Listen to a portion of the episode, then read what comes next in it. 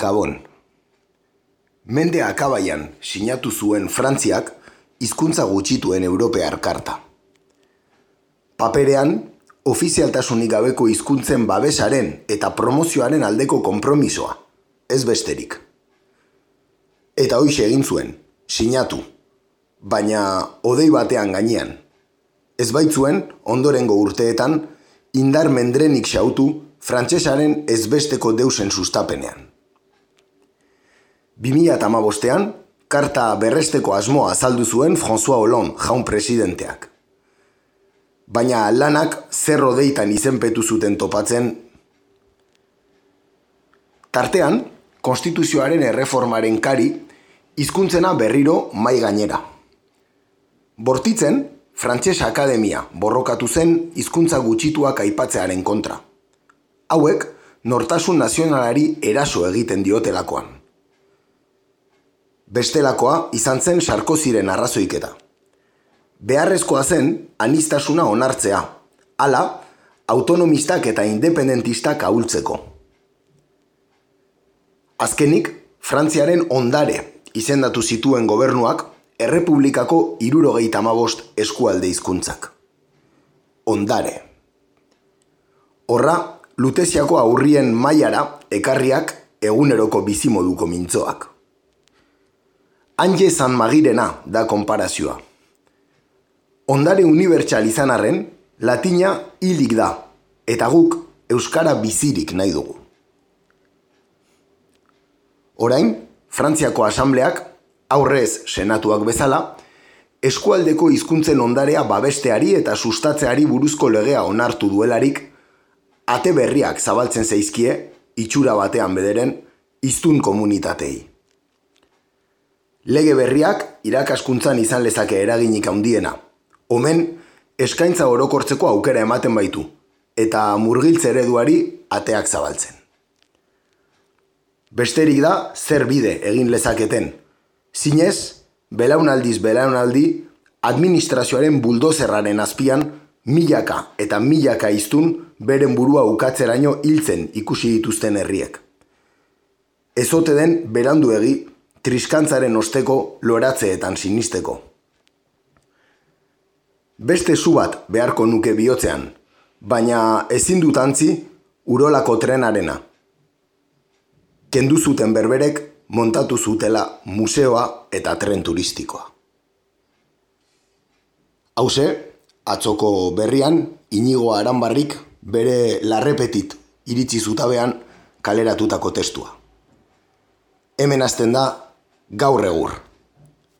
Guten Tag, meine Damen und Herren. of Muslims entering the United Полном States. основании можно сказать, знаешь что? C'est la lutte contre le terrorisme. Katea ez da eten. Agirre, garaikoetxea, leizaola. Gaur egur. Gaur egur. Gaur egur. Jolasten eta enredando.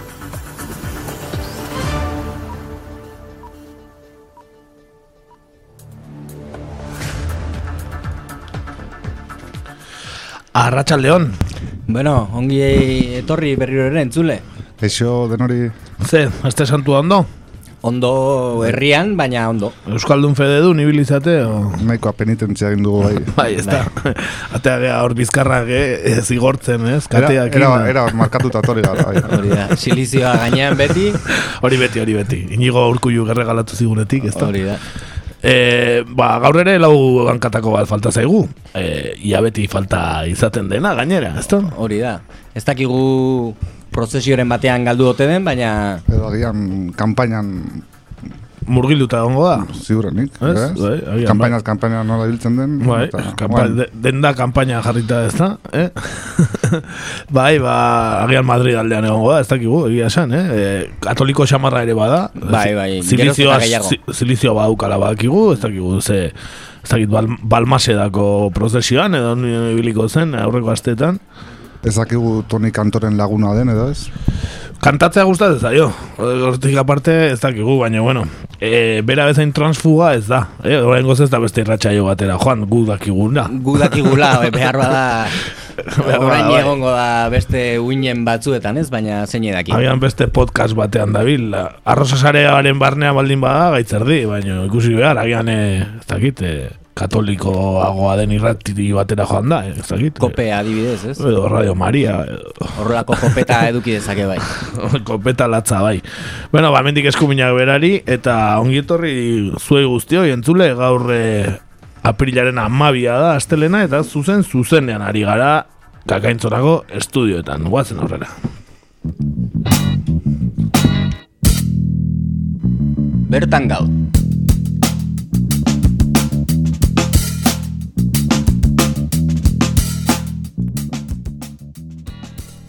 Gaurkoan Nafarroako baztan baiarara joango gara.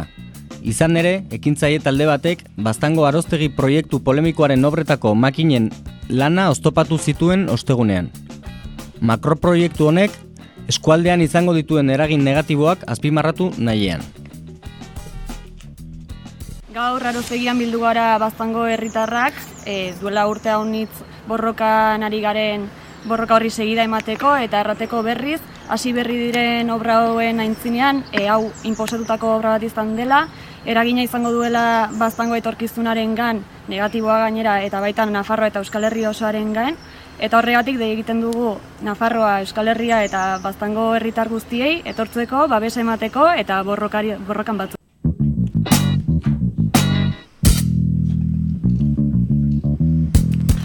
Ba bai, ezagit ikusi dituzuen irudiak, eh, nahiko oi hartzun izan dute, sare sozialetan, eta bar, komunikadetan ez duten beste ikusi, baina bai, e, ba, bertako ba, gazte asambladak eta beste ekintzaile batzuk, ba, makinak... E, Suntxitu dituzte? Ez, geldi arazien zituzten ondea makinak, gan zeuden eskadora batzuk eta, eta, bueno, langilea ba, bertatik jetxaira arazi zuten, da antxe eseri zien lurren, eta etorri zian foruzainak, eta bi, bi guardia zibil edola bakarrik, eta bar, e, alare bai izan da, argazki bat asko ikusi da, e, ikintzaile batek lore sorta bat erregalatu zion foru zain bati, edo saiatu zen erregalatzen, zatik argazkian ez da ikusten foruzainak hartu gote zuen lore sorta, baina, bueno, zeukan kopetilunarekin, er, bekozko horrekin, ez zuen ez zuela hartuko.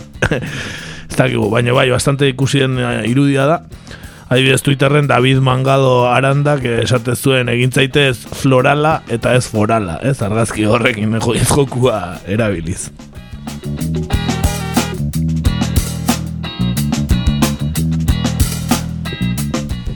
Errepasa ezagun dena den aroztegiako mako, makroproiektua. Bai, hori pixka gehiago entzunta izango duzu, ezta? E, Hotel Palacio de Arostegia Bastan Curio Collection by Hilton. Hola da proiektuaren izena, eh? Nahi dauka, euskeraz ezerrez, arostegia eta bastan bakarri, baina hitz propioa dira, eh? Bakizuen Basque Culinary Center, eh, Basque, ez? Dena ingelesez. Itzulia Basque Country, ba, bueno, berdina hemen Hotel Palacio de Arostegia Bastan Curio Collection by Hilton. Eh? E, izen hori hartuko du amalaugarren mendeko lekarozko jauregiak ba, bueno, turismo integrala eskaintzeko e, dirudienez. E, Sabadell bankua ere tartean dabil eta arostegia, proie, arostegia proiektua sustatu duen enpresaria e, Sal, Salvador Urbistondo da.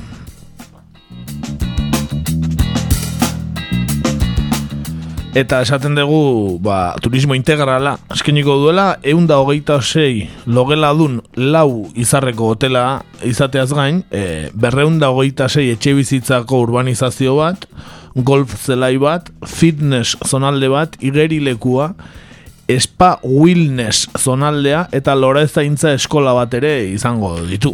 Beraz, e, integrala era bat. Bai, bai, bertan bizitzekoa, ez? Hori da, hori da. E, ala ere, noski, goi mailako turistentzat, eh?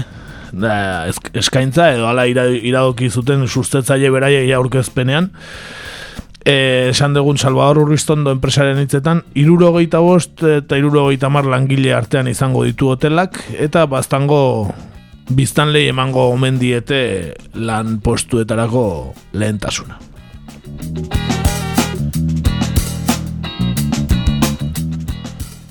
Hotel hau Hilton katearena dela esan duzu? Ba, bai, bai, bai, agian eh, Paris Hiltonek estrenatuko, zein daki. Eh, hor, horreki, horregatik bakarri baldin bada, merezi du. Hori da, hori da, bera pintxatzen agian, ez? DJ lanetan etzen ibili ere, bere garaian. Segurazki. Edo zer gauza egiten du. Hortxe bilikoa, David Guettarekin.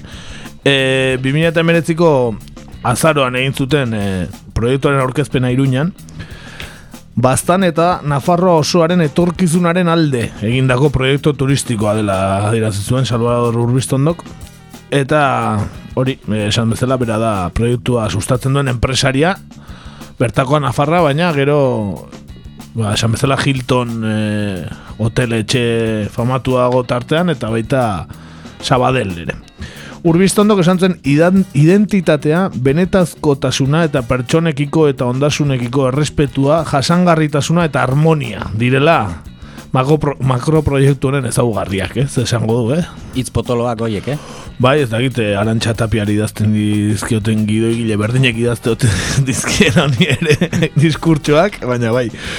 E, bastandarrek propio sentituko omen dute hotela, e, eta e, esan bezala AEB eta Amerikako estatu batuetan sortutako Hilton multinazionalak Espainiako estatuan den ordezkari Carlos Mirok ere aipatu zuen e, proiektuari buruzkoa, berak esan zuen, bastandarrek propio sentituko dutela hotela, bai, propio sentituko dute, bai. Bizkarren gainean.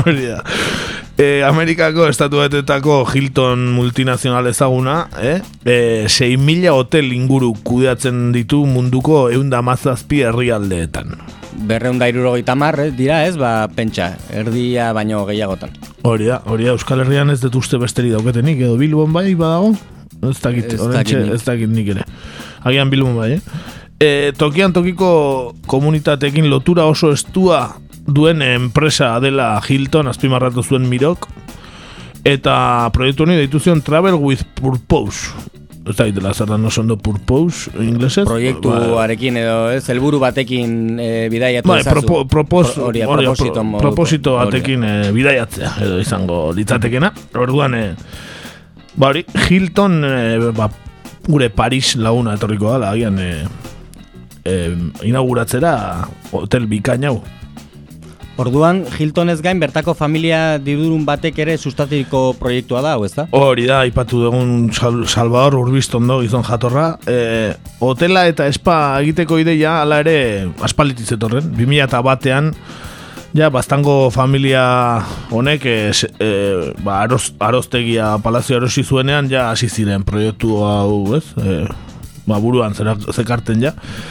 Eta e, palazioaren inguruko bide publiko batzuk mozten hasi zirenean hortu ziren lekarozko herritarrak ba, zerbait bazetorrela o zerbait gertatzen ari zela ordura arte nahiko izkutuan eraman bai zuten.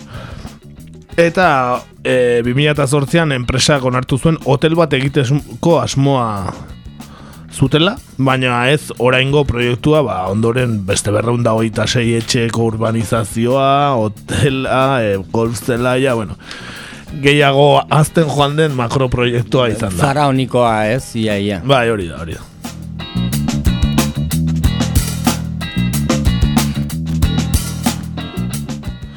Esan bezala e, urteetan Palacio de Areostegia SL enpresa sortu zen eta e, ba hori, lehen helburu turistikoa bazuen enpresa berriarekin proiektu urban, urbanistikoa bihurtu zen.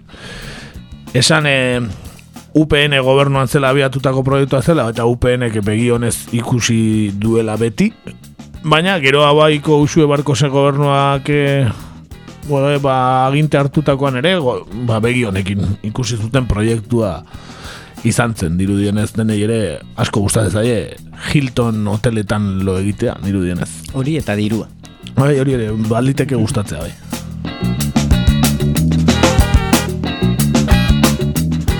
Hala ere noski, ba, gogorazi behar da, bastango herritarren gehiengoa, ba, proiektuaren aurka agertu dela, baita bastango udala ere, ez? Bai, azken amarkadan. E, 2008ko ekainaren bostean adibidez, herri galdeketa egin zen bastanen, eta euneko laro gehiago bozkatu zuen kontra, entzun dezagun garaiko audio bat. Herritarrei parte hartzeko bide bat ireki zitzaien, eh, herritarrak e, demokratikoki erabakitzeko aukera izan zuten eta euneko larogei pasak e, proiektuaren kontra e, zegoela errantzuen bastanen. E, bastango batzar nagusia e, emaitzen jakitun, bertze behin ere eskatu du, ba, herritarren hitza e, era, erabakia, kasu honetan, e, errespetatzeko ez.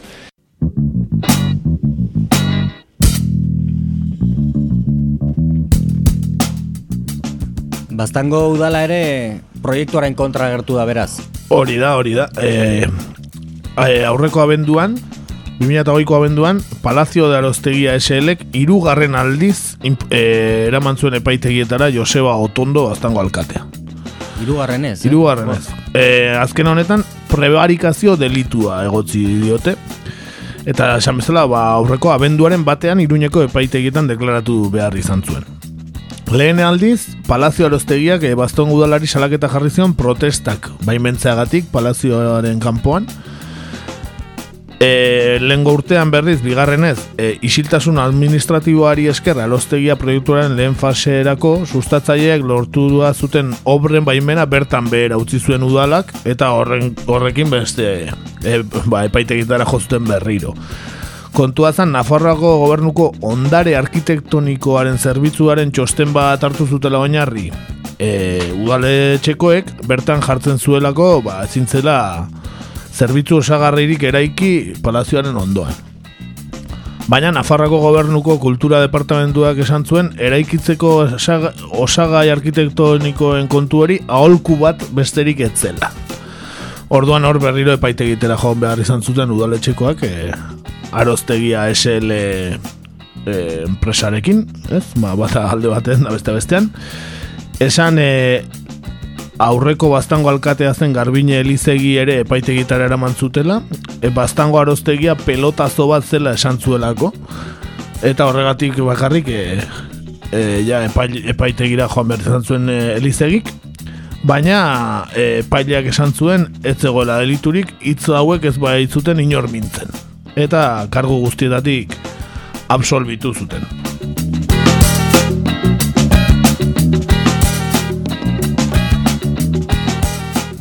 Novela beltz baterako osagarri asko ditu aroztegiaren proiektuak. Bai, ala da, eta bastan ezari garen ez, ba novela beltza ipatzea ez da kasualitatea, ez? E, Euskal Herrian novela beltzarekin erlazio handiko baiara dela esan dezakegu bastan, ez da? E, ba, jakingo dezuen alde batetik hilbeltza edo novela beltzaren astea bastanen egiten da 2008etik eh? eta bertan beka bat ere ematen dute estilontako liburu bat idazteko. Honetaz gain, nola ez, e, gogoratu Dolores Redondoren novelak eman zuten, ez, eukizuten Trilogia hori, ospea, ba, horrek ekarri duen bastan nerako ba turismo, ez, turismo gehiago sustatu da, edo turismo turista gehiago joaten da baztanera orain, eta horrek ere agian zer ikusi hauka enpresa gizon batzuengan ba, sortu duela ba, horrelako makroproiektuak ez, e, e, egiteko gogoa, ez?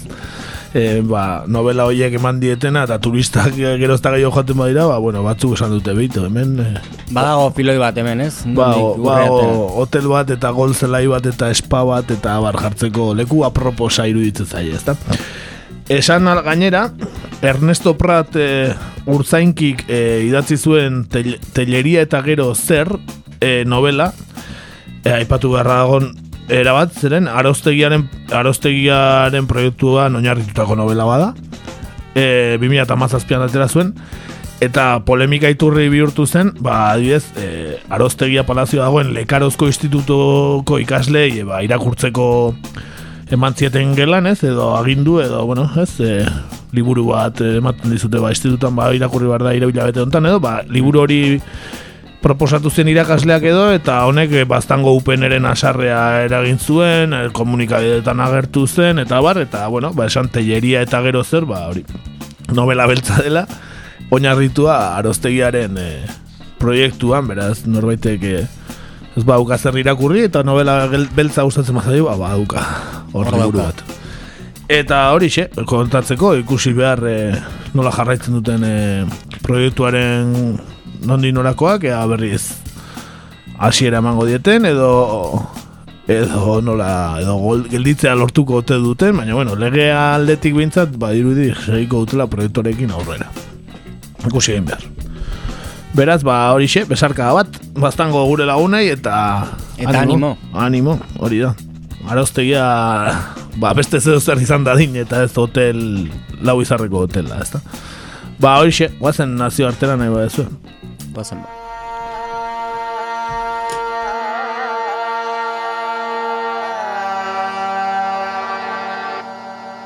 Nazio artean gaur.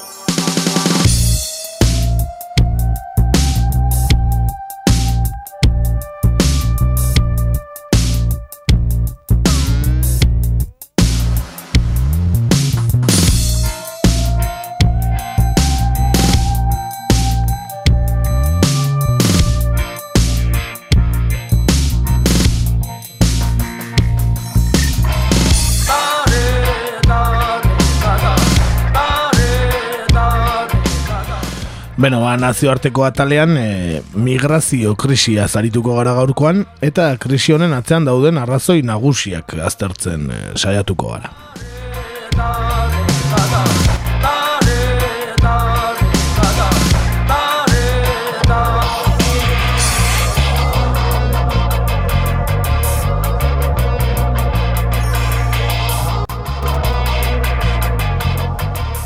Migrazio krisia, baita ere errefusiatu krisia, Europan 2008an larritu egintzen krisi humanitarioari esate zaio.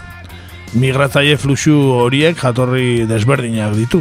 Migrazio ekonomikoa, gerratik ies egiten duen migrazioa, eta aldaketa klimatikoak eragindakoa besteak beste. Datu guztien arabera, Europan bigarren mundu gerraren ondoren, eman den migrazio handiena eta krimi, krisi humanitario okerrena da hau.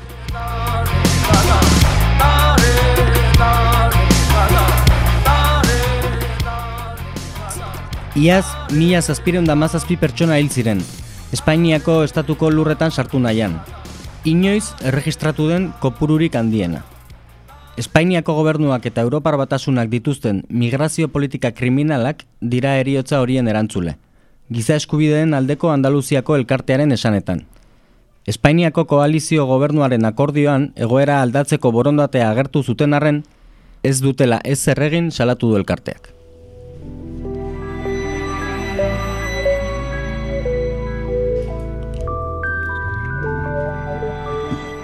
Oiko dinamika errepikatzen dela kritikatu du giza eskubideen aldeko elkarteak. Orain Kanariar uartetara migratzaile ugari iristen ari dira eta Espainiako gobernuaren erantzuna errepresioa izaten ari da. Biak alagun baldintza tamagaretan itxita, giza eskubideak eh, errespetatuko diren bermeri gabe, biak alagun kalegorian lotan, laguntza legali gabe, gurasoak seme alaben gandik bananduta, eta berriki adibidez e, malitik pateran Kanariar uartetara bideatu duen bi urteko neskatu bat ere hiltzen, ez?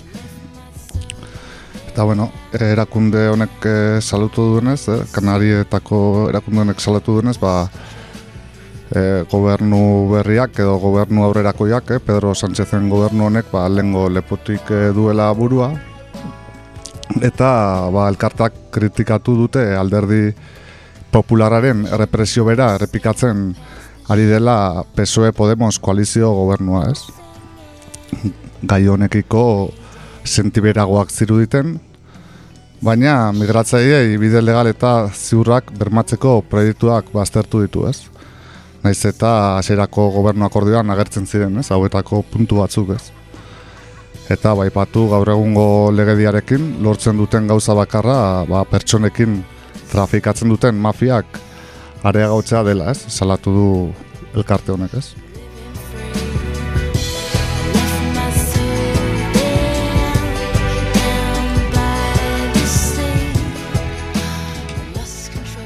Amnesty Internationalek migratzaileek 2008an Espainian eta Europan bizi izan duten egoera salatu du mugak istea eta migratzeko eskubidea etetea, Kanarietako arginegineko egoera eta Melillako zetiren bilaketa egoera aipatu dituzte. Baita pertsona migratzaileei laguntzen dietenei elkartasuna kriminalizatzea ere.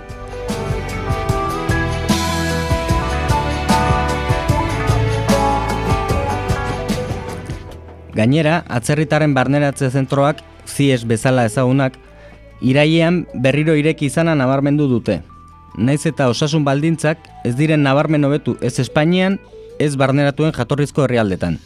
Udaberritik ona, benik ben. Eta berriratzeko hegaldiak berraktibatzea ere salatu dute.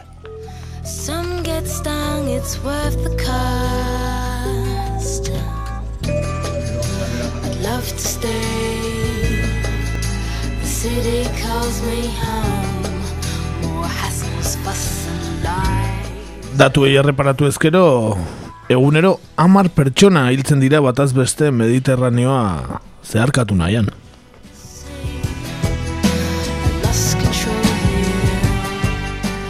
Migrazietarako nazioarteko erakundearen erakundea jakinarazi duenez, iazko urtean 3000 lagun baino gehiago hil dira Mediterraneoko hiru ibilbide nagusietan. Azken datuen arabera, 3000 migratzaile baino gehiago hil dira 2020an. Zehazki, Kanaria ruartetako migrazio ibilbidean, gutxienez, bosteun da pertsona hil dira aurten. 2019an, berreun da mar, eta 2018an, berrogeita bost.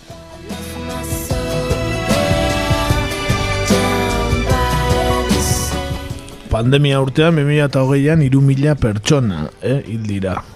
Eh, bida, i- ies, iesi eta atorkizun hobe baten bila, eh, beten du. Bai, ba, hemen egoera txartu da ekonomikoki, ez, ba, abisatu zuten gainera, n- e, Afrikan eta lurralde horietan, erabat, e, Suntxitu egingo zela, ez? Azkenean egunean egunean bizi den jende horrek ezin badu kalera atera adibidez, ba ezin du ezer eraman jatera, ez da? Izugarria da, iru mila pertsona urte batean, eh? Bai, bai, izugarria. Itota, eh? Izugarria.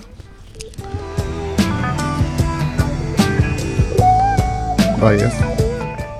Eta pizka bate datu batzuk ematearen, ba, 2008 garren urtetik Mediterraneoan hildako migratzaileak entzun hogei mila baina gehiago dira, eh?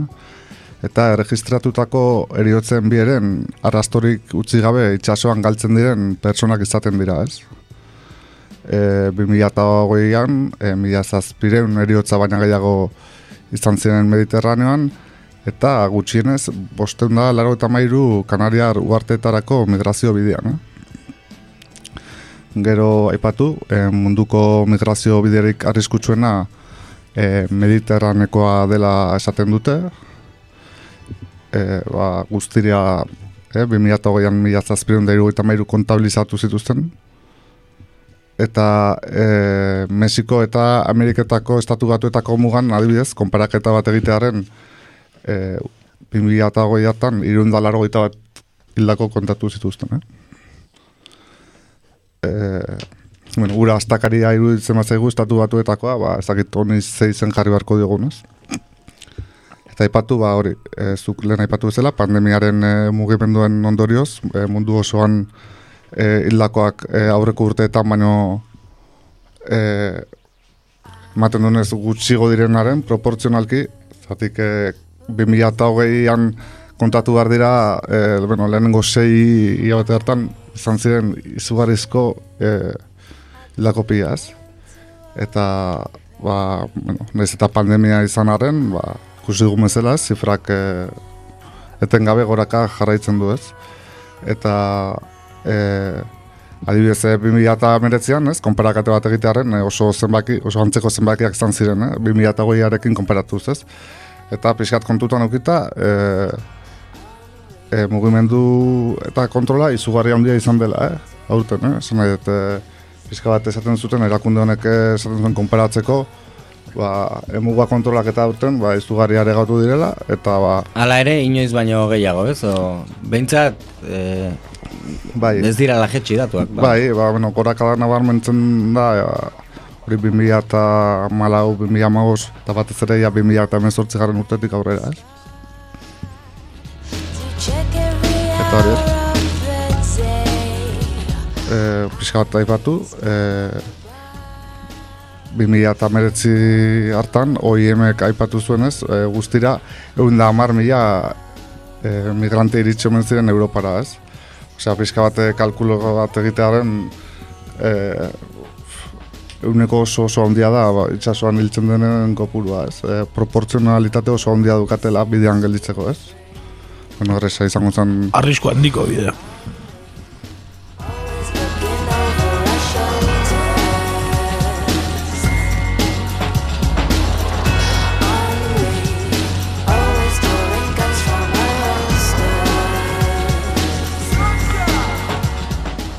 Arrisku handiko bidea da, baina e, ala ere, ba, askok eta askok hartzen duten bidea. Zergatik, ba, ba arrazoi desberdinegatik iesi datozelako, ez? Bai, refusiatuen krisi on, hau bezala ezaguna dena, ba, 2008 eta maosteko Libiako gerrak edo Mare Nostrum operazioak edo Triton operazioa barea autu egin zuten. Beraz, e, ala ere, ezagutu ezagun pixka gehiago, zeintzuk diren migrante hauen arrazoiak e, ba, itxasoratzeko gaur egun.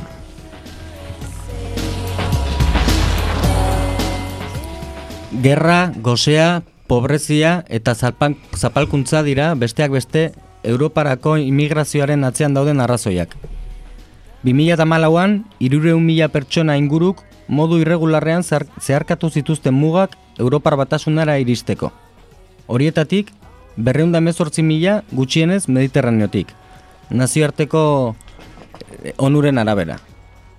Etorkinentzako beste bide nagusia lehorrekoa da. Ekialde hurbiletik mendebaldeko Balkanetaraino.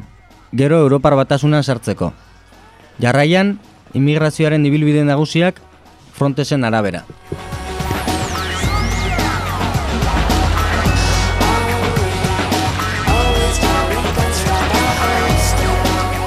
Bai ez, pizkat erakunde honek eh, mandako datu batzuk azalduko ditut. Ba, aipatu 2000 bat urteaz geroztik, e, milioika pertsonek ies egin dute gerra gatazketatik, eh? barne eta nazioarteko gatazketatik, e, baita ere terrorismoaren aurkako gerratik, estatu batuen kanpaina militarrak, NATOko kideek eta beste aliatu batzuek e, lagunduta geniko Afganistako gerratik adibidez, eh? Gero baita ere, aipatu e, 2002an Magreben egon zen matxinadaren ondorioz ere jende asko egin zuela. Gero e, Nigeriako matxinada islamistatik ere jende asko kalde egin zuen. Gero ba, oso zutetsua, ba, Irakeko 2003ko inbazioa. E, haren eraginaren, nabarmena izan zenez, migrazioan. Gero eh, Alkaedaren eraginez, ba, Yemenetik ere ba, 2003 geroztik jende asko kies egin du. Baita Pakistandik ere, ipar aldeko gerra deitzen den hartatik, e, batez ere 2004 urte aroz geroztik, ez? Ba, oso entzutetsuak dira ba, drone, drone, dronen, dronen egiten dizketen erasoak eta horiek, ez? Gero aipatu baita ere ba, pixka bate gertuago, Somaliako gerra zibila eta e, Afrikako beste gatazka batzuk, Sudango gerra zibila adibidez, gero hain entzutetsua izan zen udaberri areo biharraren eraginaren nabarmena da, hori 2000 eta eta mairu urtean izan ziren, eta baita ere, nola ez, Libiako eh, esku hartze militararen ondorez, ondoren sortu zen gatazketatik, 2008an izan zen ura, e, Siriako geratik, 2008an baita ere, eta hori ez, pixka bat e, Frontex eta Agnur erakundeen arabera, e, mundu osoan, ba, ia irurogei milioi desplazatu behar izan ziren, ja, 2008an, eh? urte hartan bakarrik ez. E, ba, pixka bat kontutan atea, e, media bat egiteko, ez? Ba, gutxienez, eh, irurogei milioi inguru, gutxienez, bi, bi mila eta malautik onera, ez? Eta azkeneko urtetan, oraindik gehiago. Ba, eh, bigarren mundu gerraz geroztik izan diren eh, maiarik altuenak dira, migrazioari dagokienez, eta aipatu behar da, e, berrogeita ma, osea, esan ditudan, irugei milioi horietatik, e, hogei milioi errefusatuak direla, eta beste bergoi milioi barne desplazatuak, ez? Eta beste ia bi milioi e, asilo humano humanitarioaren eskatzaileak, ez?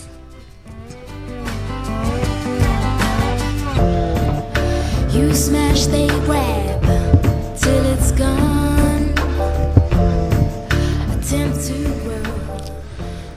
Eta refusatuen aldeko nazio batuen agentziaren edo agnurren arabera, 2008an e, itxasoz Europara iritsi ziren gehienak, Tunisiatik e, barrena etorri ziren, e, baita ere Marokotik eta Bangladestik ez. E, beste batzuk baita ere Mali, e, Bolikosta eta e, Gineatik ez. Eta hori ez, e, gutxi gora bera, ba, zerrenda herrialde horiek osatu dute azken urte hauetan ez.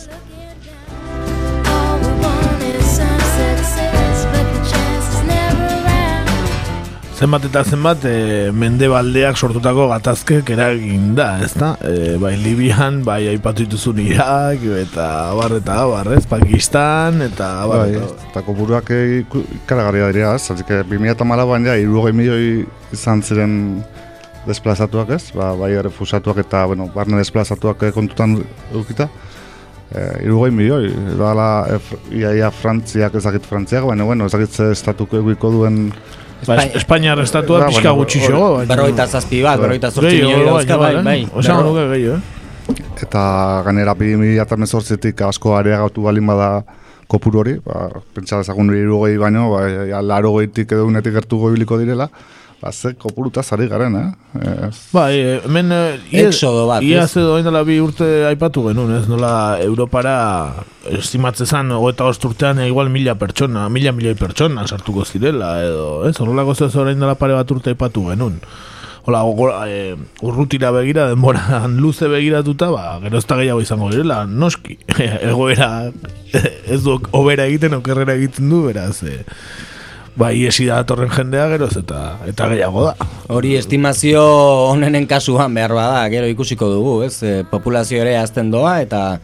Bai, Eta- baino, bueno, Europan eh, populazioa ez doa gehiagiaz. Ez, ez, Europan ez, baino e, Munduan jatorrizko herrialdetan, bai, hor, hor dago gako azkenean, ez? E, desplazatuko den jendea dagoen herrialdetan hor jaiotza eta zaizugarria daude eta horrek ba, ba areagotu egingo du ziur aski, em, jendearen mugimendu. Bai, baina, baina Europa es- eske kontinente oso zaharkitua da, eta jendea, datorren jendeak, ez, eh, jende gaztea eta lanerako dagoena da, beraz, Europak ere ondo, ondo datorkiola gaina jende uolde hori, berez, Europari, ez, baina badirudi gobernariek ba, nahiago dutela beste jende bat sartu dedila edo... Migrazio selektibo bat, ez? Hori da, migrazio selektibo bat egitea, ezta? Eskubidea izan beharrean, ba izan dedile privilegio bat. Hori da.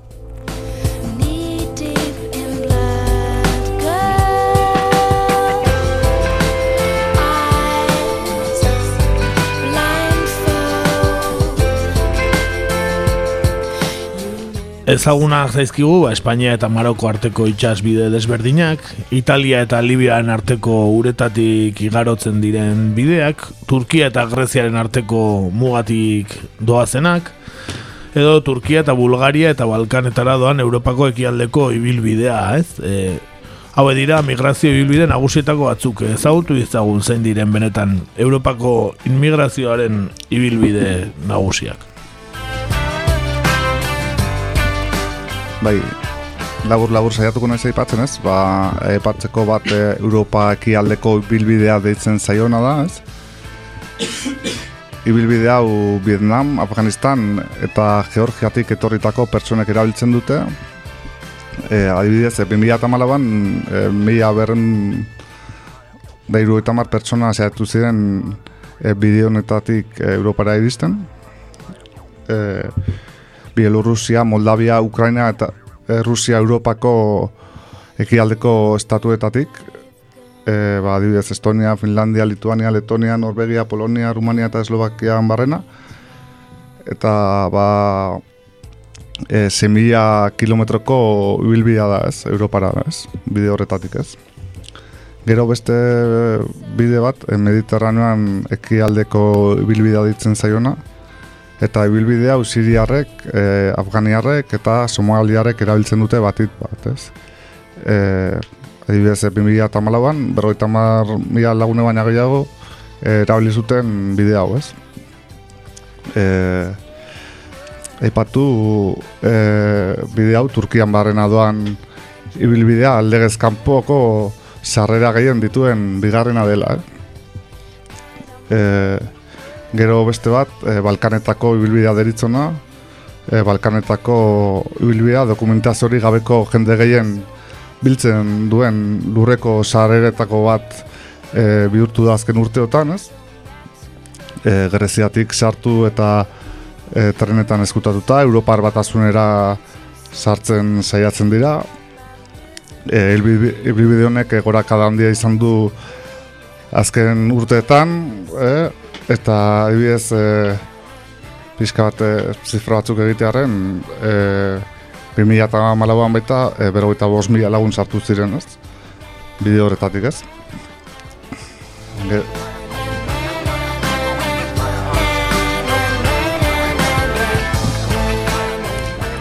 Gero beste bat, e, Apulia eta Kalabria ibilbidea deritzona da, eta e, ibilbide honek e, Turkia eta Egiptotik e, datorren migrazio federazioari egiten dio referentzia, ez? Eta Grezia eta Italiaren arteko ba, e, migrazio mugimenduak ere hartzen ditu, ez? Bide honek, ez? Aipatu ibilbide hau irabiltzen duten e, migratzaile gehienak, e, hasiera batean Turkia eta Grezia arteko lurreko mugaren tik e, sartzen dira Schengen espazioan, ez? Ba, gero... E, Gero barkuz eh, Kalabriara joateko, ez? hori da. Bai, bai. Kal- Kalabria lehenko aipatu genuna, ez? Italiako botaren punta dena, ez?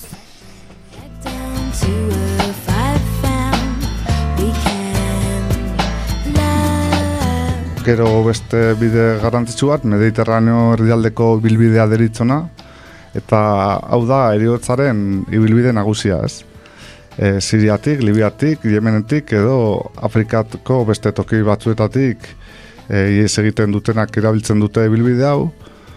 E, adibidez, zifra batzuk esatearen, 2000 eta amalauan, e, eunda hiru eta hamar mila lagun baina gehiago sartu zirena ara, e, bueno, gehienak e, Siriatik, baina baita ere, beste hainbat Eritreatik, eta Sahara zazpiko beste e, herrialde batzuetatik, ez?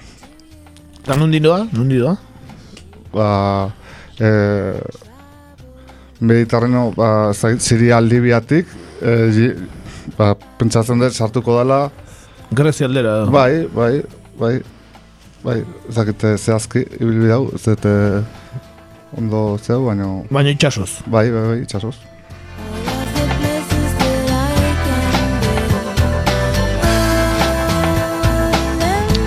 Bai, gero beste ibilbide bat, guretzat oso ezaguna dena, mendebaldeko mediterraneoan barrenako ibilbidea da, eta bidea aukeratzen dute Europara, Iberiar penintsulara, e, Zeuta eta Meliako kokagunetatik iritsi nahi duten lagunek ez? Bai e, Kamerun, Algeria, Mali eta baita Maroko, Maroko zazpiko beste hainbat tokitatik ez? Eta e, baita gure gertuko beste bilbidea, e, mendebaldeko Afrikako ibilbidea, e, deno, Kanarietako ibilbidea edo bezala ezagunagoa ez. Eta ba, hau e, Kanaria uartetan barrena hartzen dute dakigun bezala, eta batez ere ba, Marokoarrek, e, Senegaldarrek eta Ginearrek erabiltzen dute ibilbide hau ez. Eta aipatu, ba, e, azken urteetan ibilbide hau ba, marka guztiak hausten ari dela ez. E, jende asko asko sartzen bai da bide hortatik ez. Eta ba, lehen aipatu dugun bezala, ba, jende oso ibilbide arriskutsua da, oso urkorronte handiak eta daude, eta jende asko hiltzen da ez, ibilbide horretan ez. Ja, ozeanoan barrena doazelako, ez? Ez da Mediterraneoa beti, ez da itxaso lasaiagoa Atlantikoa baino, ez da? E, Beraz, horrek ere izango du zer ikusia. Bai, baina bitxia da, e, nola hainbat marokoarrek e, bide hori bera erabiltzen duten baita ez? E, imaginatuz, e, zeuta eta meliarako bidea ze zaila zaien, ez? Zeo, zenbaterainako kontrolatuko duten, bertatik ez... Hiri gotortuak izango dira, seguraski, ez? Bai, bai, eta hiri txiki bat, ez? Gotortua azkenean Kanaria irla, zer dia zazpi irla edo, ez? Hori da. Beti bateago, baina bueno, kosta lur asko dute lurreratzeko, ez? Bai. Toki batean e, baldin badare, ba bestetik, e, bertako, ez? Joaten diren mafiak ere ondo ezagutuko dute nondik nora joan, seguruena, ezta? Hoiek ondoen ezagutuko dute, baina Gero, komeni zaiena egingo dutena ere bai, ez? Bai, bai, bai, bai, lehenengo eta behin behaien burua salbatu hori ziur. Bueno, ba, mm, gure garaiko drama handiena, agian, ez? Drama humanitario handiena izan daiteke, ez? Bai, e, nik dudari gabe ez, eta gainera handitze bidean doala ikusten da, beraz e, ikusiko dugu, nola ze eragin eta ze ondorio ekarriko dion bai munduari, bai Europari, ez, zehazki. Bai, ez? Eta pizkate datu bat ematearen, ez? Gutxi gora bera bakite zenbaki amata, zenbaki batzuk emate askotan oso hotza dela eta ez dela oso fiagara izaten, baina e, adibidez, e, 2008an e, mila eta berreun lagun hil ziren gutxienez, ez? E, Mediterranean, Europara etortzen. Eta kalkulatzen da, iritsi zirenak e, egun da amar mila izan zirela Europara, ez? Ba, bat azbeste da, amar pertsonako bat bidean hiltzen dela, ez? Eta segurenik e, gehiago izango dira, segurenik e, Bai, bai, datuak e, ez dira osoak izan. Bai, baina hala ere amarretik bat hitzea Izugarria. izugarria, izugarrizko proportzioa da. Eraz, bai, eta ba, betikoa, ez, e, Europak beste aldera begiratu bakarrik ez, e, represio gorrarekin e, eraso ere bai, ezta? Eta beste komponentea ba, mafiena, ez da, gainera, ez? E, Beste batzu ba, di- dirua egiten dutela drama horrekin, ez da? Eta gobernuek ba, nahiago dute beste aldera begiratu eta gainera, esan bezala, erreprimitu. bai, ikusi genituen adibidez ezagut noiz izan zen, noren dela iruz pala urte, nola hemen tiroka ere hartu zituzten, e, migratzaileak, eh? Hori ere ez du gaztu behar, eh? Nola, hainbat bertan hil ziren. Zeutan edo, ez? Edo Bai, Melillan, no? hori da. Bai, Guardia Zibilak. Bai, Guardia Zibila izan zen. Zagit, zeutan izan zen edo Melillan, baina. Bai, Melillan uste dut. Bai, bai, benetan, e, ba hori. Tamalgarria. Baina, bueno, ikusita gero Europan e, nola datorren gora ultraeskuina, ez? Eta nola baliatzen duen e, immigrazioaren kontua, bera, ez? Beraien Bai. ideologia sustatzeko, ez? Ba, Eta nola, ez, hemen ere tirok hartzen dituzte, ba, ba, pentsa dezakegu beste tokietan ere gutxien, gutxienez horrela hartuko dituztela, ez, ez, dakit, ez pentsatu ere nahi, Maroko berak nola tratatuko dituen gratzaileak beste... Ba, ba, ba, Turkiak eta hauek moduan, da. ez? Azkenean e, salgai modura. eta presio modura, ez Hori da, sabe, bai, azkenen- Europarekin negoziatzeko, ez? Salgaia esan da presio politikoa moduan saltzeko salgaia, ez? Azkenen hor, ba, horrekin jokatzen dute eta zaku baten modura, ez, azkenean gero beraien ekonomia negozioak eta egiteko, ez? Sa- Sahara eta zitzen genuenean ere aipatu genuen, ez? Hori zela baita ere, ez? Eh, Arrazoietako bat, e, Marokoren boterea, ez? E, ez zalantzan jartzeko. hori da, Bai, bai. eta eta gatazko hortan Marokoren alde egintzeko Europak, ba, ez gauza bat hori izan, eta orain dela gutxi ere Turkia zaritu ginen, eta beste arrazoi handietakoa zen, ezta? Beraz, bai, ba, drama humanitarioa, ba, politikoki erabiltzen dutena askok eta askok, ezta? Bai, eta ziurrenik, nahi dute, arazo bezala, e, gaur egun humanitateak dauken arazo handiena nik uste eta udala dudari gabe, ez? Bo, arazo asko dauzka, hau, baina esan nahi eske, hainbeste arazo Bai. dauzka humanitateak, hau da dramatikoenetako bat, ez, hori dudari gabe, baina... Eske bain bere burua suntzitzen ari den animali bada, ari, ez? Gizakia bera, orduan esaten dut, jo.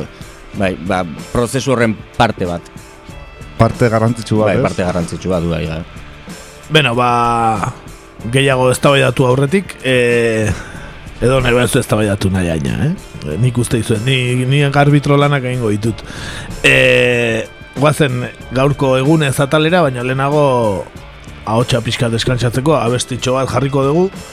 Kasu honetan, e, Manu Txauren klandestino abistei mitikoa, ba, orain pare bat urte do, bersioa egin zuen Manu Txau berak e, Calypso Roseekin, eta ba, abesti hori jarri dugu, ba, migrazioari buruzko abestia delako, ez da? Klandestino.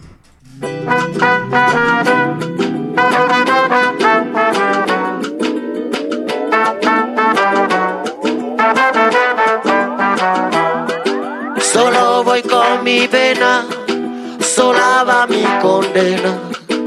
Correré mi destino por no llevar papel. Para la ciudad del norte yo me fui a trabajar. Como una raya. Mi vida la dejé entre Ceuta y Gibraltar. Solo voy con mi pena, sola va mi condena. Correré mi destino para burlar la ley. I cannot go forward, I cannot return. And the land in front don't want me. Look, the land behind me burn. I am stranded on the sea with an unknown destiny. No home to return to, nobody waiting for me. Solo voy con mi pena, sola va mi condena. Correré mi destino Perdido en el corazón de la grande Babilón. Me dicen el clandestino por no llevar papel. La, la, la, la, la,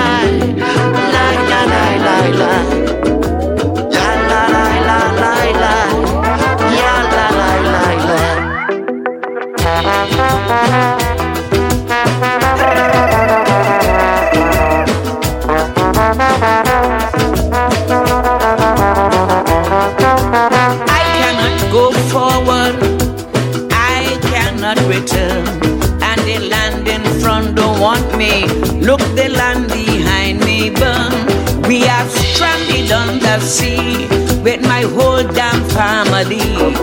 No home to return to, nobody waiting for me. Solo voy con mi pena, sola va mi condena.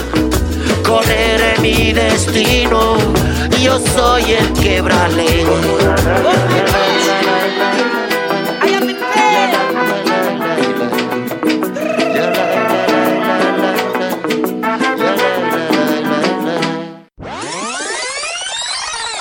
Gaurko egunez.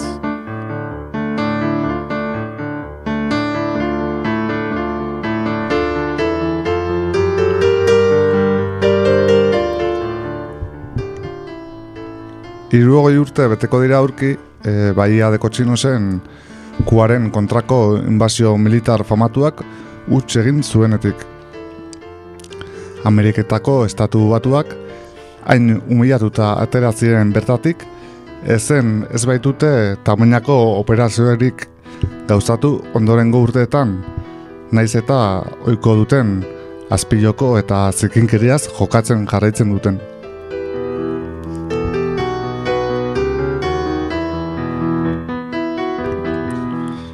Mila behatzen da irugaita bateko apriliak amabostean gauzatu zen operazioa, bi urte besterik ez ziren iraultzak fulgenzio batista maletak egitera behartu zutela, eta nola egin zion aurre kubak Ameriketako estatu batoak bezalako potentzia nuklear bati?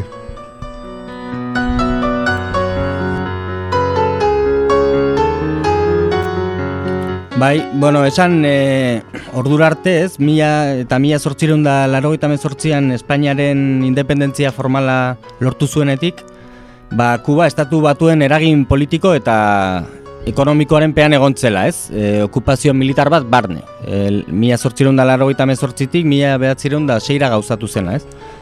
Eta, bueno, e, mila bederatzireun da bat garran urtea, izan zen gerra hotzaren testu inguru betean dagoen urte bat, ez? E, estatu batuetako administrazioak kubako iraultza arrisku larria zela uste zuen, ez bakarrik sovietar batasunaren aliatu bat aingertu izateagatik, ez? E, baizik eta hasieratik agerian geratu zelako Latinoamerikako beste herrialdetan e, eragin zezakeen uholde eta iraultza e, saiakera mordoak, ez? Bere atzeko patioan, ez da? Hori da, bere, bere zegokion patio horretan. Eta, bueno, e, esan behar da, da, daki zuen arren kubak, estatu batuen interes ekonomikoei min handia egintziela, ez? E, iraultza gauzatu eta gero, e, nekarzaritza bezalako erreformaekin, ba, estatu batuetako latifundista handiak etxera bidali zituelako, inolako konpentsazio ekonomikori gabe. Eta, bueno, mila behatzireun da irurogeiko martxoak amazarpian bertan, hau da, iraultzak e, bueno, e, bere garaipena lortu eta bi hilabete eskasera, ez? E, urtarriaren batean lortu zuen, Fidel sortzian iritsi zen, ez? E, okerez banago abanara. Eta, ba, bi hilabete geroago, e, gure Eisenhower general oiak, orain estatu batuetako presidente zenak, Aik bezala ez, ezaguna, ba, esan zuen Kuba erbesteratu osatutako gerria unitate batek e, inbaditzeko, ba, bueno, hori agindua eman zuen, ez? E, ziari eman zion, eta, bueno, ba, Fidel Castro buruzagia boteretik entzeko asmoz. Eta e, urte hortan bertan, irurogeiko urrian, jarritzen martxa embargo famatua, ez, orain arte irauten duena, eta pentsa, ba, inbazioa aurrez pentsatutako zerbait zen, ez? Osea, lehenago jarri, pentsatu ziren, jarri ziren pentsatzen inbazio militar batean, min ekonomikoa egitean baino.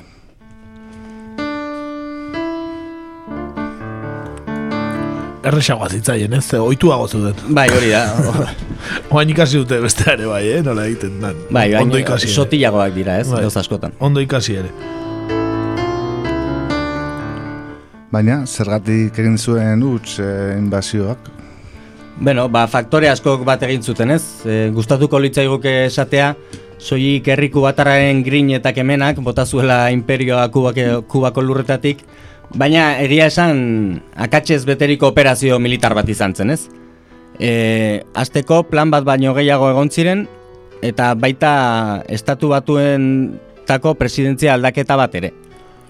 Hasierako plana, Eisenhower presidenteak e, agindutakoa, Richard M. Biselek diseinatu zuen, e, ziako goi funtzionario batek, eta, bueno, Kubako erbesteratuen inbazioa eta abiarazteko, eta Fidel Castroren aurkako behin-behineko gobernu bat ezartzeko, Kubako hiri handien batean, e, abanatik alik eta urrunen, ez? Hasiera batean noritzen, bueno, beraien intentzioa, ez? Eta nolabait behin e, gobernu behin gobernu hori ezarrita, ba arma eta hornikuntza estatu batuarrak iritsiko ziren. Eta bueno, e, biselen lehen planak aire indar iraultzaien, hau da, Kubako aire indarraren e, aurkako hiru aire eraso prebesten zituen, eta, bueno, bere ideia zen Israelek egin zuen bezala Yom Kippurreko gerran, ba, Kubako aparatuak lurrean deusestatzea danak, ez? Baina, bueno, e, gero, ba, ikusiko dugunez ez zuen inondik inora lortu. Bueno, e, honetan, plan honetan Trinidadeko hiriaren ondoan lehorreratzea zegoen aurre ikusia, ez? E, ez gero playa giron izango zen hortan.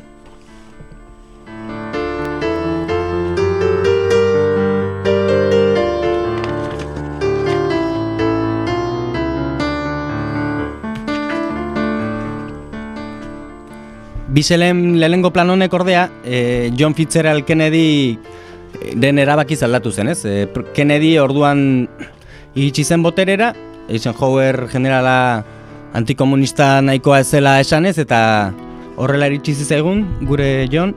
Eta, beno, e, Dean Rusk zen bere estatu idazkaria, eta nolabait e, zeuden atxekabetuta edo esan beharko nuke, ikustean horrelako inbazio, tamainako inbazio batek estatu batuak e, maila internazionalean oso gaizki utziko zutela, ez?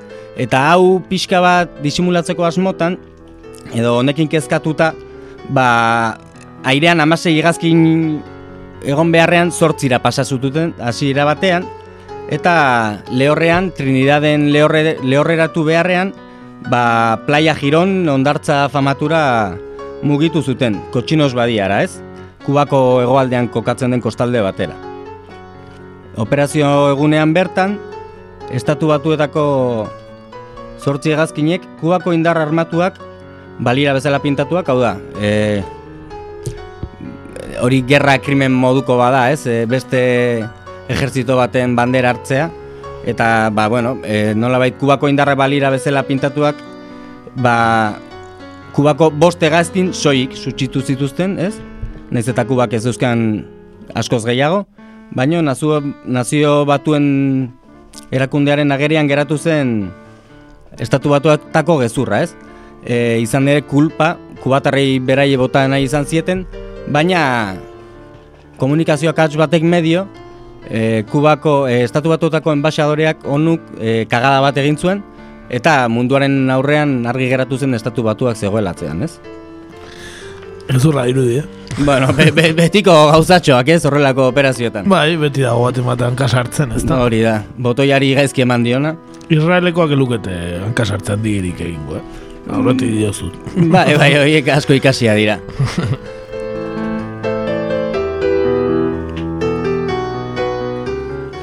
Eta beno, gezurra agerian geratu zela, ez? E, urrengo egunetako abioien operazioak bertan bera e, uste erabaki zuen Kennedyk, ez? Hau da, e, lehenengo egunean, e, bueno, bombardeatu, eta bitartean Guatemalatik atera, atera eta zeuden dagoeneko desembarkatura joan, lehorreratzera joan behar zutenak, ez? Orduan, nahiko salduta utzi zituen horrez. Eta beno, e, bain utzingo dugu Fidelen audio bat, non, beno, e, hain zuzen e, abio, e, hegazkinen operazio hau burutu eta ondorengo orduetara, ez? E, izugarrizko dokumentu, entzutezko dokumentua da. Porque lo que no pueden perdonarnos los imperialistas es que estemos aquí y que hayamos hecho una revolución socialista en las propias narices de los Estados Unidos. Y que esa revolución socialista la defendemos con esos fusiles.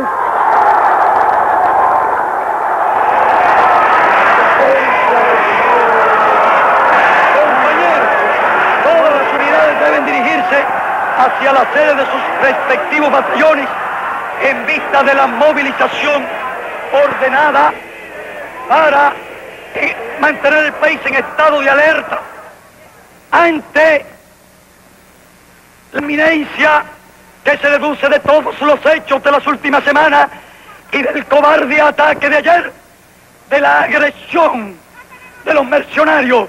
Marchemos a las casas de los milicianos, formemos los batallones y pongámonos a salirle al frente al enemigo con el himno nacional, con la estrofa del himno patriótico, con el grito de al combate, con la convicción de que morir por la patria es vivir y que en cadenas vivir es vivir en oprobio y afrenta asumir.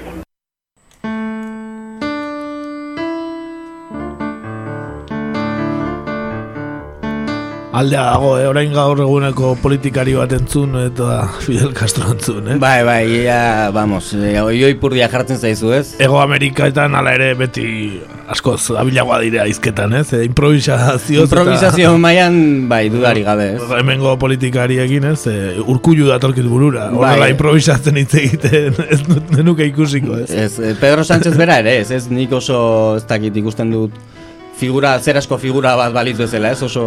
Bai, bai, baina, bueno, hala ere, beste garai batzuk eta eh, beste oratoria bat zaukaten garai hortako, eh, denek, ia denek, esan ditik. Bueno, ba, bai, bai adeko txinosera itzulita, e, bueno, esan diteke, e, bereak e, salduta utzi zituela. eh? Bai, ba hori, Kennedyz, ez, e, Kennedyk azkenean, azkeneko, azken orduko agindu honekin, ba lehorreratzera zijozen soldaduak e, salduta utzi zituen, ez zuelako ba, ia, aireare, aireko espazioa bereganatu, eta, ba, beno, esan datu batzuk ematearen, inbaditze, inbaditzaien arteko bajen kopurua, hau da, hildakoen kopurua, eundik gorakoa izan zen, harrapatutakoak, preso hartutakoak berriz, mila eun da larogeita bedatzi, beste guztiak. Eta, beno, Kubako gobernuak preso inbaditzaileak epaitu eta kartzelara kondenat zituen, naiz eta Batista, hau da, aurreko diktadorearen poliziako ofizialoi batzuk hiltzera kondenatu zituen, ez? Hiltzera kondenatu eta exekutatu. Eta, bueno, bizirik atera zirenak esan da urrengo urtean, mila beratzireun da irurogeita bian, e, trukatu zituztela estatu batuekin, estatu batuetako gobernuarekin, berrogeita mairu milioi dolaren truke, ez? E, ja blokeoa martxan zegoen. Eta baita elikagai, botika eta traktore, traktore modura, ez? Beraz, azkenean esan liteke, bueno, kotxinoseko badiaren inbazioa kubari oso ondo atea zitzaiola, ez? Ai, tra traktoretan. Tra traktoretan, hori da.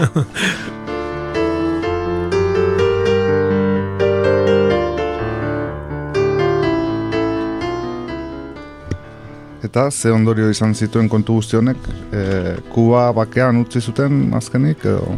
Bueno, badaki, badakigu erantzuna, ez? E, ez zutela bakean utzi, Ez egin spoilerrik, hombre. Ja.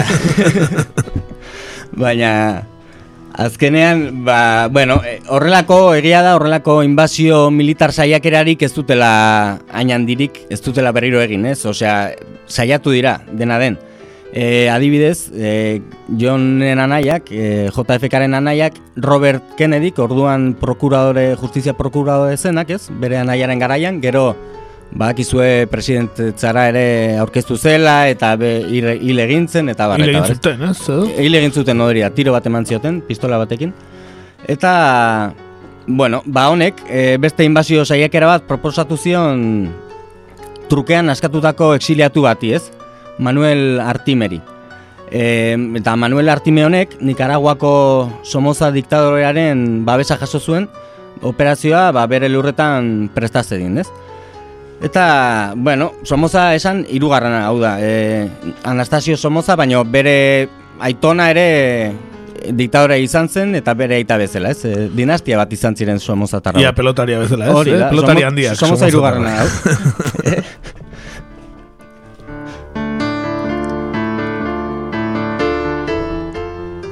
Baina operazio guzti hau hankaz gora joan zen, eta hemen dago anekdota txikia, mila behatzireun da hirurogeita lauan ziak nahi gabe Sierra Arantzazu, ontzi Euskalduna ondoratu zuenean, e, bueno, e, zea, arrantza zijoan ontzi bat zen, antza denez, eta, bueno, beraiek Sierra Maestra ontzia nahi zuten nahi zuten bota, ez? Ez dakigu izenarekin konfunditu ziren edo ze, ze arraio, baina, bueno, Sierra Arantzazu, e, bueno, ondoratu zuten, eta operazio honetan hiru pertsona hil zituzten, ez? Kapitaina, Euskalduna zena, e, Bizkaitarra eta bi arrantzale, e, uste dut Kantabria aldekoak edo.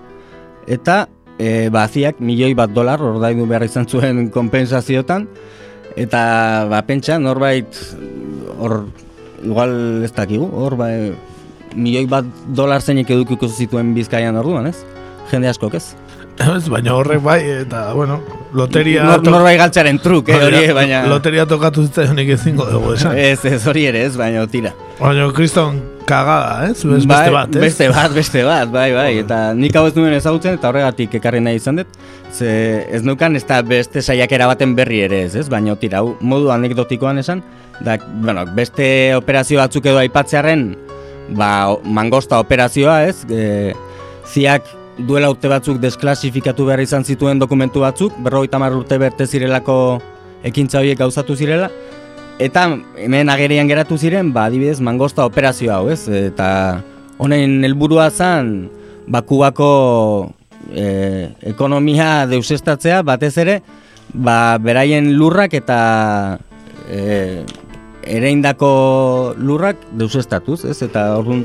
Mangosta plaga batekin, ez? Bai, horrelako, osea, izen hori eman zioten, baina, bueno, edozein baliabide erabiltzen zituzten, eh? bai e, azufrea edo dena delakoa, osea, Bai, bai. lu- lurrak usteltzeko. Edo Monsantoren transgeniko ongarriak jagizu. Bai, edo zer gauza, baina, bueno, horrelako zikinkerietan, ez, murgilu ziren. Eta, bueno, e, gero aipatu beharra daude beste Castro hiltzeko beste undaka operazio edo Castrok autoridadea galtzeko, ez? Besteak beste, pentsatu zuten Castrori LSD bat ematea sartzean, nonon, telebistan agertu baino lehen, ba, autoridade hori galdu zezan eta tontakeriak eh, hasten esaten hasi zedin, ez? Eta, Jagizu, agian diskurso haindik eta hobea, zuen. Zein daki. Hori da, pertzepzioaren arteak guzti zirekita ez, hor, ja, oratore infinitoa izango litzake Castro. Ah, Hogeita bost orduko diskursoa, edo. Bai, bai. Eta, bueno, e, besteak beste, best, puro bomba bat, abano bomba bat ere pentsatuta zeukaten, eta ba, eundaka, eundaka operazio zeuzkaten, ba, zean, ez, bere amanteren batek ere pozoitu zezala, horrelako gauzak, osea, norbait agente bat sartu ez, bere, bere kuartoan nola bite esateko, eta horrelako, horrelako gauzatxoak. Baina ez zuten lortu. Ez, ez zuten lortu, ez. Eta lortu bat zuten, ja oso, oso Bai, berandu. berandu. berandu egin zuen pozoiak eragina. ez? Bai. Eta beno, e, bukatzeko honetaz gain, ba esan e, on, urrengo urtean etorriko zela e, Kubako misilen krisia, ez? E, hain famatu den Kubako misilen krisia, non mundua egon zen ba, gerra nuklear baten atarian, ez? Eta, beno, e, nola honek polemika pixka bat zor lezake, ez? Nola zergatik onartu zuen Castrok, ez? E, misil hauek jartzea, eta ben, hor badaukagu audio bat, non berak ederki azaltzen duen eta zer esaten duen zergatik, ez? Yo pensé, si nosotros esperamos que los soviéticos luchen por nosotros y corran riesgos por nosotros e incluso vayan a una guerra por nosotros, sería inmoral y sería cobarde de nuestra parte negarnos a aceptar la presencia de aquellos proyectiles aquí.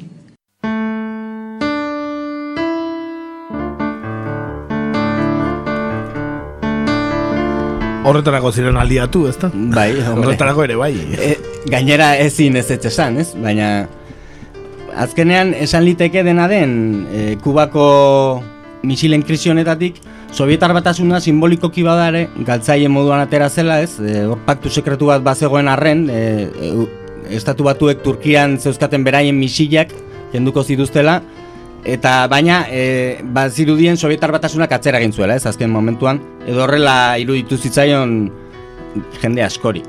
Baina Kuba ordea indartuta atera zen, ez? Izan ere Khrushchev eta Kennedyren arteko hitzarmen batean ba, irla inbaditzeko saiakera gehiago ez egitea adostu zuten, ez? Hau saiakera, bueno, hau eta gero. Badakigu ez zela horrela izan, Robert Kennedy aurrerago saiatu baitzen, baina tira. Azkenean ba, ez zuten ezer lortu, egun zutik dauelako, ez? Nola edo ala, eta ikusiko dugu. Oain administrazio berriak blokeoak entzeko Bai, a ber, Badaukan- Aitona Jouek ze intentzio dauzkan, ezta? Bai, ez da oso fidagarriatuko, baina ez, ez, zer egingo dio. Eskailerak igotzen baina hobea izango te, da beste gauza batzutan, eh? Bai, espero du, bai. Gero, e, txati, e, goratzen bazate, txegit, e, agorako esaten, aznarren, aznar presidente zen garaian, e, ano, polemika oso handia hon zen e, aznarre jarritako enbasadorearekin, eta bar, baina e, Castro propioki eskatu zuen e, enbasadorea kentzeko, eta, bueno, bestela bidaldu egingo zutela. Eta gero tartean zeuden, e, goratzen zate, Carromero famatua eta, abar, e, Pep, Ah, Pepeko Juventudes de, no, populares. Bueno, o- nuevas generaciones, o Bueno, nuevas generaciones, eko, bu- Ez. burua edo zanda Kuban, eh, ez? Bai, o- Okizun kontu bat. Bai, eh. ez, o, ba, hoi egosten zitzaien baita ba, bertako talde batzuekin, ba, kolpe, estatu, estatu kolpe bat, edo, bueno, edo Castroren aurkako ekintzak egitea. Disidentziaren lagunak izatea. Bai, eta, bueno, ekintza batzuk egiten saiatzea, eta, bar, eta, bai, egon ziren hor ere. Saiakera txiki batzuk, Bai, Espainiaren partetik. Bai, baina, aznar atzean zegoela, eh? kasu honetan, eh? ezken nahi. Hombre, baina eske orduan oso laguna zan, ez? Buxena, ez? Eh? Estamos Hombre. trabajando en ello. eh? En eso estamos. Vale, ba, horixe. Bai, orain, ba, abesti bat ekarri du, ez? Playa Giron, Silvio Rodríguezena, naiz eta gaiaz hitz egiten ez duen abesti baden, ba, ez? E, Bueno, subliminalki... subliminalki liteke. Vale, ba, Silvio Rodríguez handiaren eh, Playa Girón.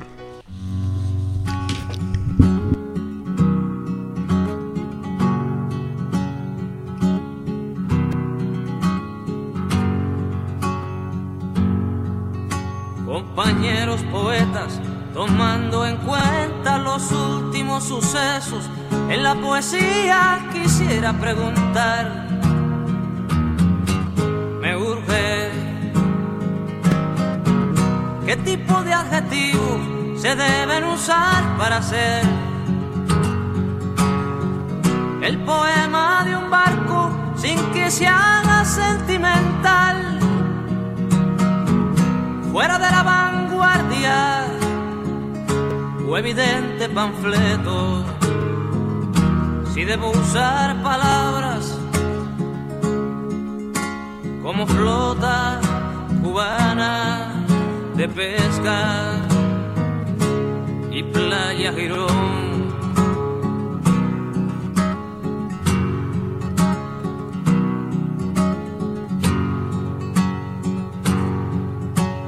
compañeros de música, tomando en cuenta esas politonales y audaces canciones, quisiera preguntar, me urge, ¿qué tipo de armonía se debe usar para hacer la canción de este barco con hombres de poca niñez? Hombres y hombres sobre cubierta, hombres negros y rojos y azules, los hombres que pueblan el playa Girón.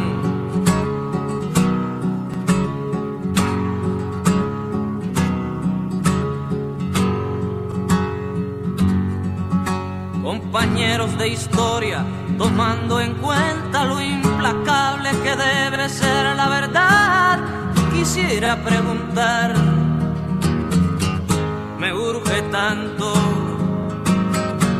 que debiera decir qué fronteras debo respetar. Si alguien roba comida y después da la vida que hacer, ¿hasta las verdades? ¿Hasta dónde sabemos que escriban pues la historia? su historia los hombres del playa Girón que escriban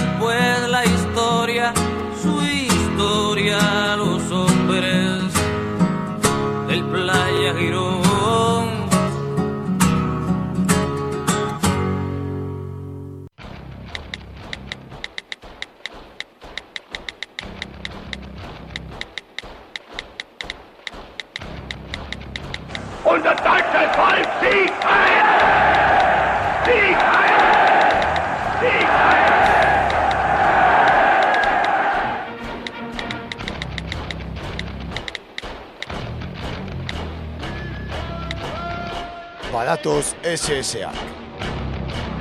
Sare sozialetan egur.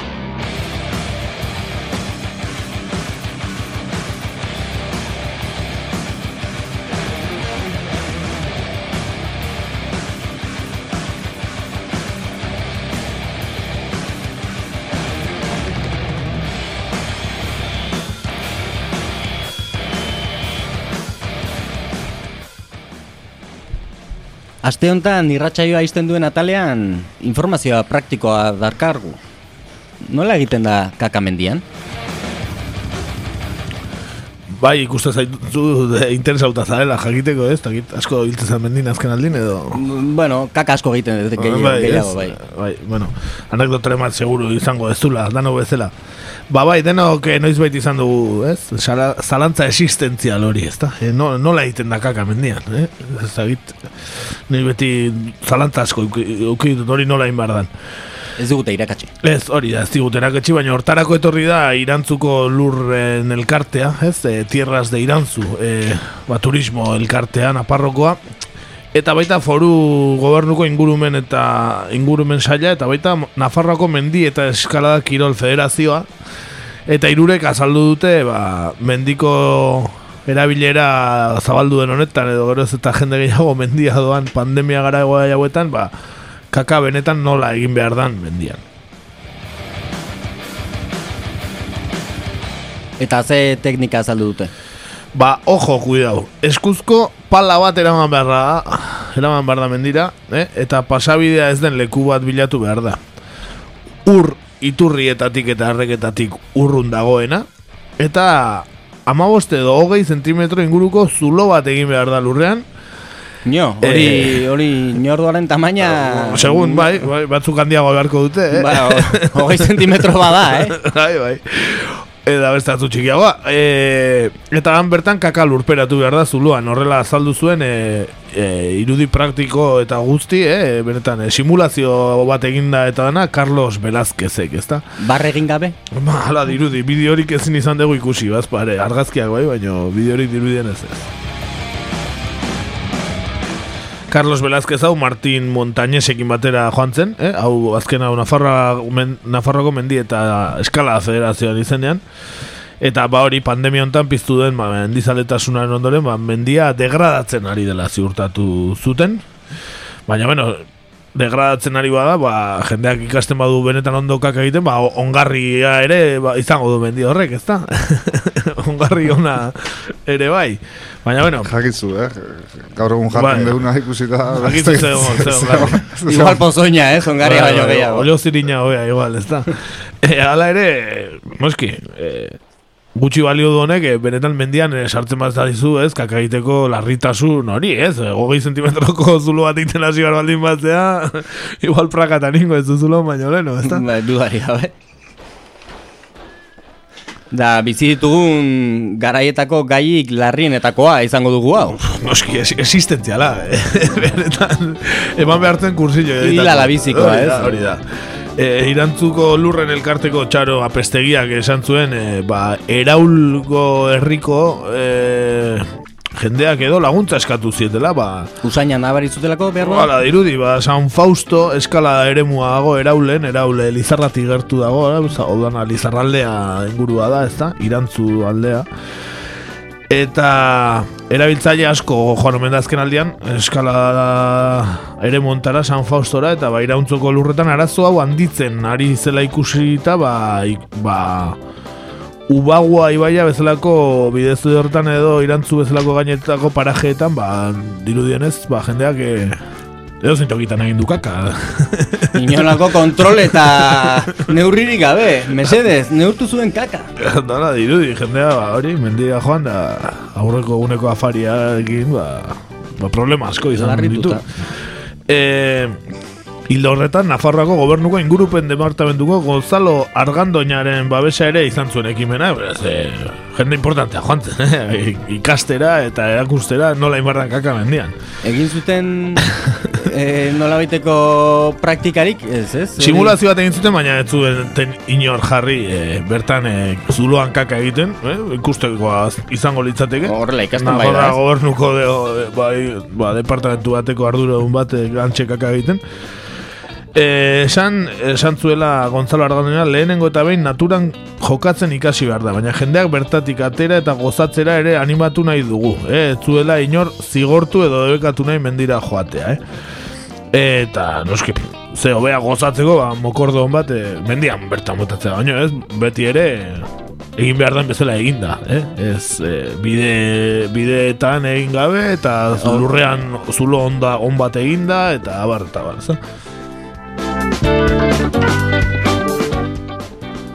Beno, ba, mendiko erabiltzaileak askoz lasaiago gehatzen geha honekin. Ba, ni bai, behintzat, nik, nik e, ez zela kakagura sartu ezkeo mendin ez dakiz zein nuken. Behar bada, ga, osea, goiti bera kaka egiten hasi, ez? bai, bai, Igual, eske- o, pff, eske, imposible, imposible. Ba, ez pentsa, bromatarako kontua dirudi, baino YouTubea sartu naiz behitzea, eta eunda berrogeita lau mila ikustaldi zituen YouTubeko bideo bat zegon, e, koaka nola egin behar dan, esplikatzen zuna, eh? Beraz, behitzat eunda berrogei mila ikusle izan dute zalantza hori, eh? Agian mendian zeuden eta oi, ba, nola egiten da kaka eta YouTubek esplikatu die. Edo baten batek behin baino gehiagotan, ui, berriro aztu zaiz, eta nola egiten zan. Nola egiten zan, a ber, berriro. A ber, emanatzea, emanatzea. Bueno, entzun dezagun eh, zati bat, er, eh, gazteleraz da, baina, bueno. Hay cosas que son de sentido común, ¿no? Como por ejemplo, no cagar en medio de un camino, irte a una zona un poco más escondida donde no molestes a nadie y tampoco estar cerca de un río, porque si estás cerca de un río lo vas a contaminar. Pues pasa igual con el papel. Como es lógico, si el papel lo dejas en medio de la carretera, o sea, en medio del camino o, o a la vista, no, aunque estés apartado, no. Eso es una puta guarrería. Es una puta guarrería y a todos nos ha pasado de ir caminando por ahí y ver papeles llenos de mierda. Por lo tanto, hay que hacer lo siguiente. Una de las opciones que hay es guardarlo en una bolsa, ¿vale? Os voy a recomendar una bolsa zip. ¿Por qué? Porque una bolsa zip la puedes cerrar herméticamente,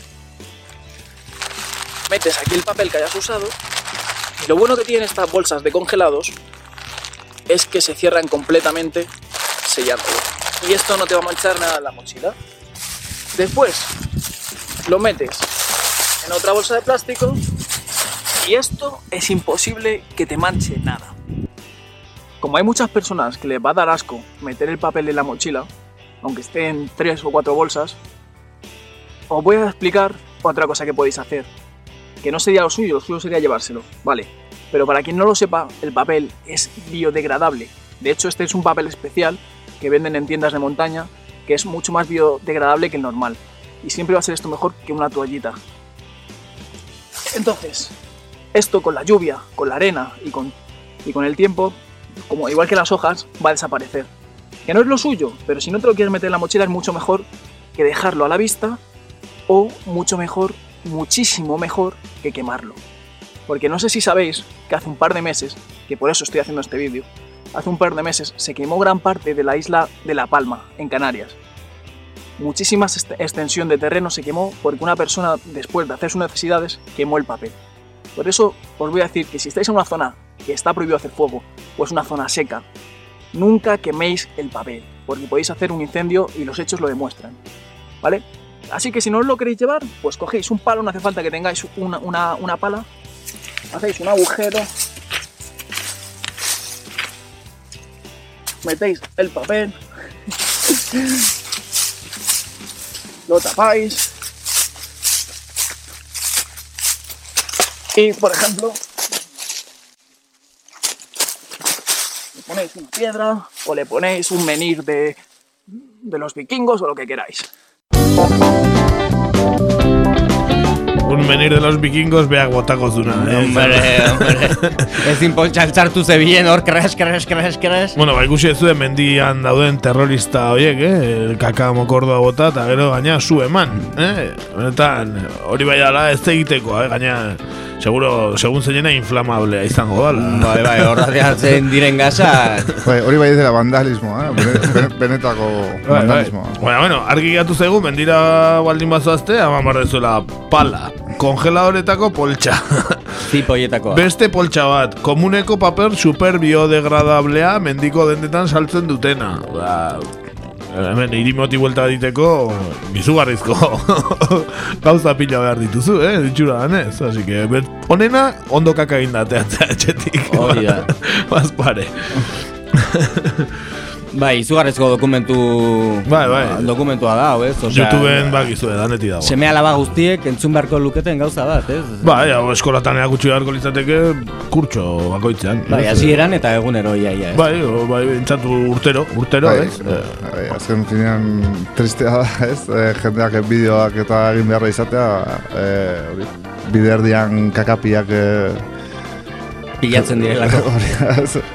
Eta, ba, ben, pandemia garaitik honea, ba, pentsa dezakegu, ez? E, ongo den hor... E, me, mendi eta bidertzeetan, ez? Hori Bai, bai, hori da, ba... Elikadura egokia, dara magun garai hauetan, gainera, ez da, eh? seguru aski, premio politia gango dia, eh? Bai, mina, mina ugari, beraz, kontu zibili... Zipristegin eta lurrera erortzeko arriskua handia bai da, ez? Gainera, Hori. fresko baldin badago. Bai, mendiak e, hiritarren kakaz pilatuta eta e, kaleak zakuren kakaz pilatuta. Eh? Hortxe... Zapatilla garbitzen egunero. Bueno, ba, hoxe, hoxe, gaurko, ba, ba, ja, zan, eh, ba, hori, informazio praktikoa, eh? Akizu orain, eh, zein barra, zein barra daukazuen, ba, kakaura sartzen bazaizuen mendian.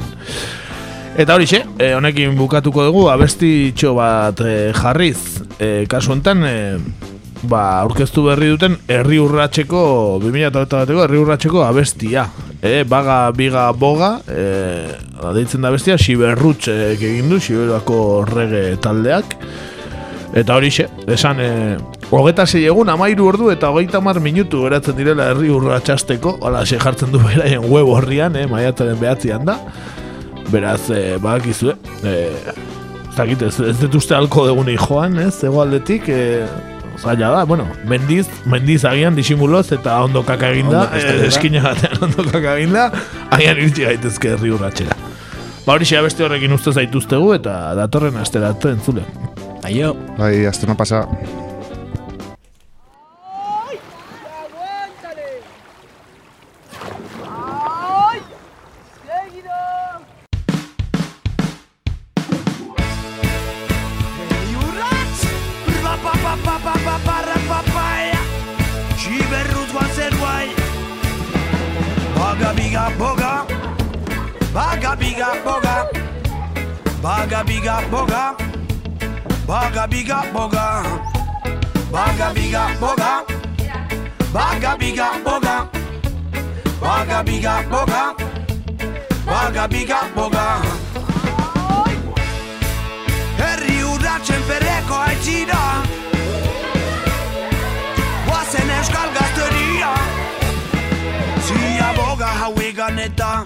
Guazen amar kolpe emaiterra Ikasuntziaren ikastola Ihan gainetik laua izetarra Se askarren ametxen indarra Argian egon dadin euskarra Herri urratxen urtoz batzia Bizia zakire provintzia Bizezak ire provintzia Bizezak ire euskera Bakoitzak berekoa da Luzapenak geudeak dira. Erabil zure euskera Euskera gurea da. Eterretik baitxasuala Euskara beti boga duala Ziaitzetan errek izala Enborreta ikostu etarra. Gelitzen ezin ahala Bako txakortan ibererola nibererola Segirezagin bai hola hola Biziko beita ikastola. Eterretek bai txasuala Euskarra beti boga duala. Ziaitzetan errek izala Enborreta ikostuetara. Gelditzen ezin ahala Bakotxak hortan nibererola Segirezagin bai hola hola Biziko beita ikastola. Baxe Nafarroa Lapurdi Arraba Bizkaia Nafarroa Gipuzkoa eta Siberrua. Senperreko aitzira Herri urrats denak orgira Indarak batia Herri urrats ikastoraren besta. Boga egin dezagun denok denok batera. Arraunak inderrazten eta aurrera egitera. Aizeak ere badaki bidea goazen berakin batera Eramango gaitu begiak itxita herri urratzera. Boga, boga, marinela. Joan behar dugu Egu, egu, Senperea. Baga biga boga Baga biga boga. Baga biga boga. Baga biga boga. Baga biga boga. Baga biga boga. Baga biga boga. Baga biga boga. Baga biga boga Baga biga. Suka suka toka noka baga biga. Baga biga boga Baga biga Suka, shuka, toca, noca, vaga, vega. Vaga, vega, boca, vaga, vega. Suka, shuka, toca, noca, vaga, vega. Vaga, vega, boca, vaga, vega. Suka, shuka, toca, noca, vaga,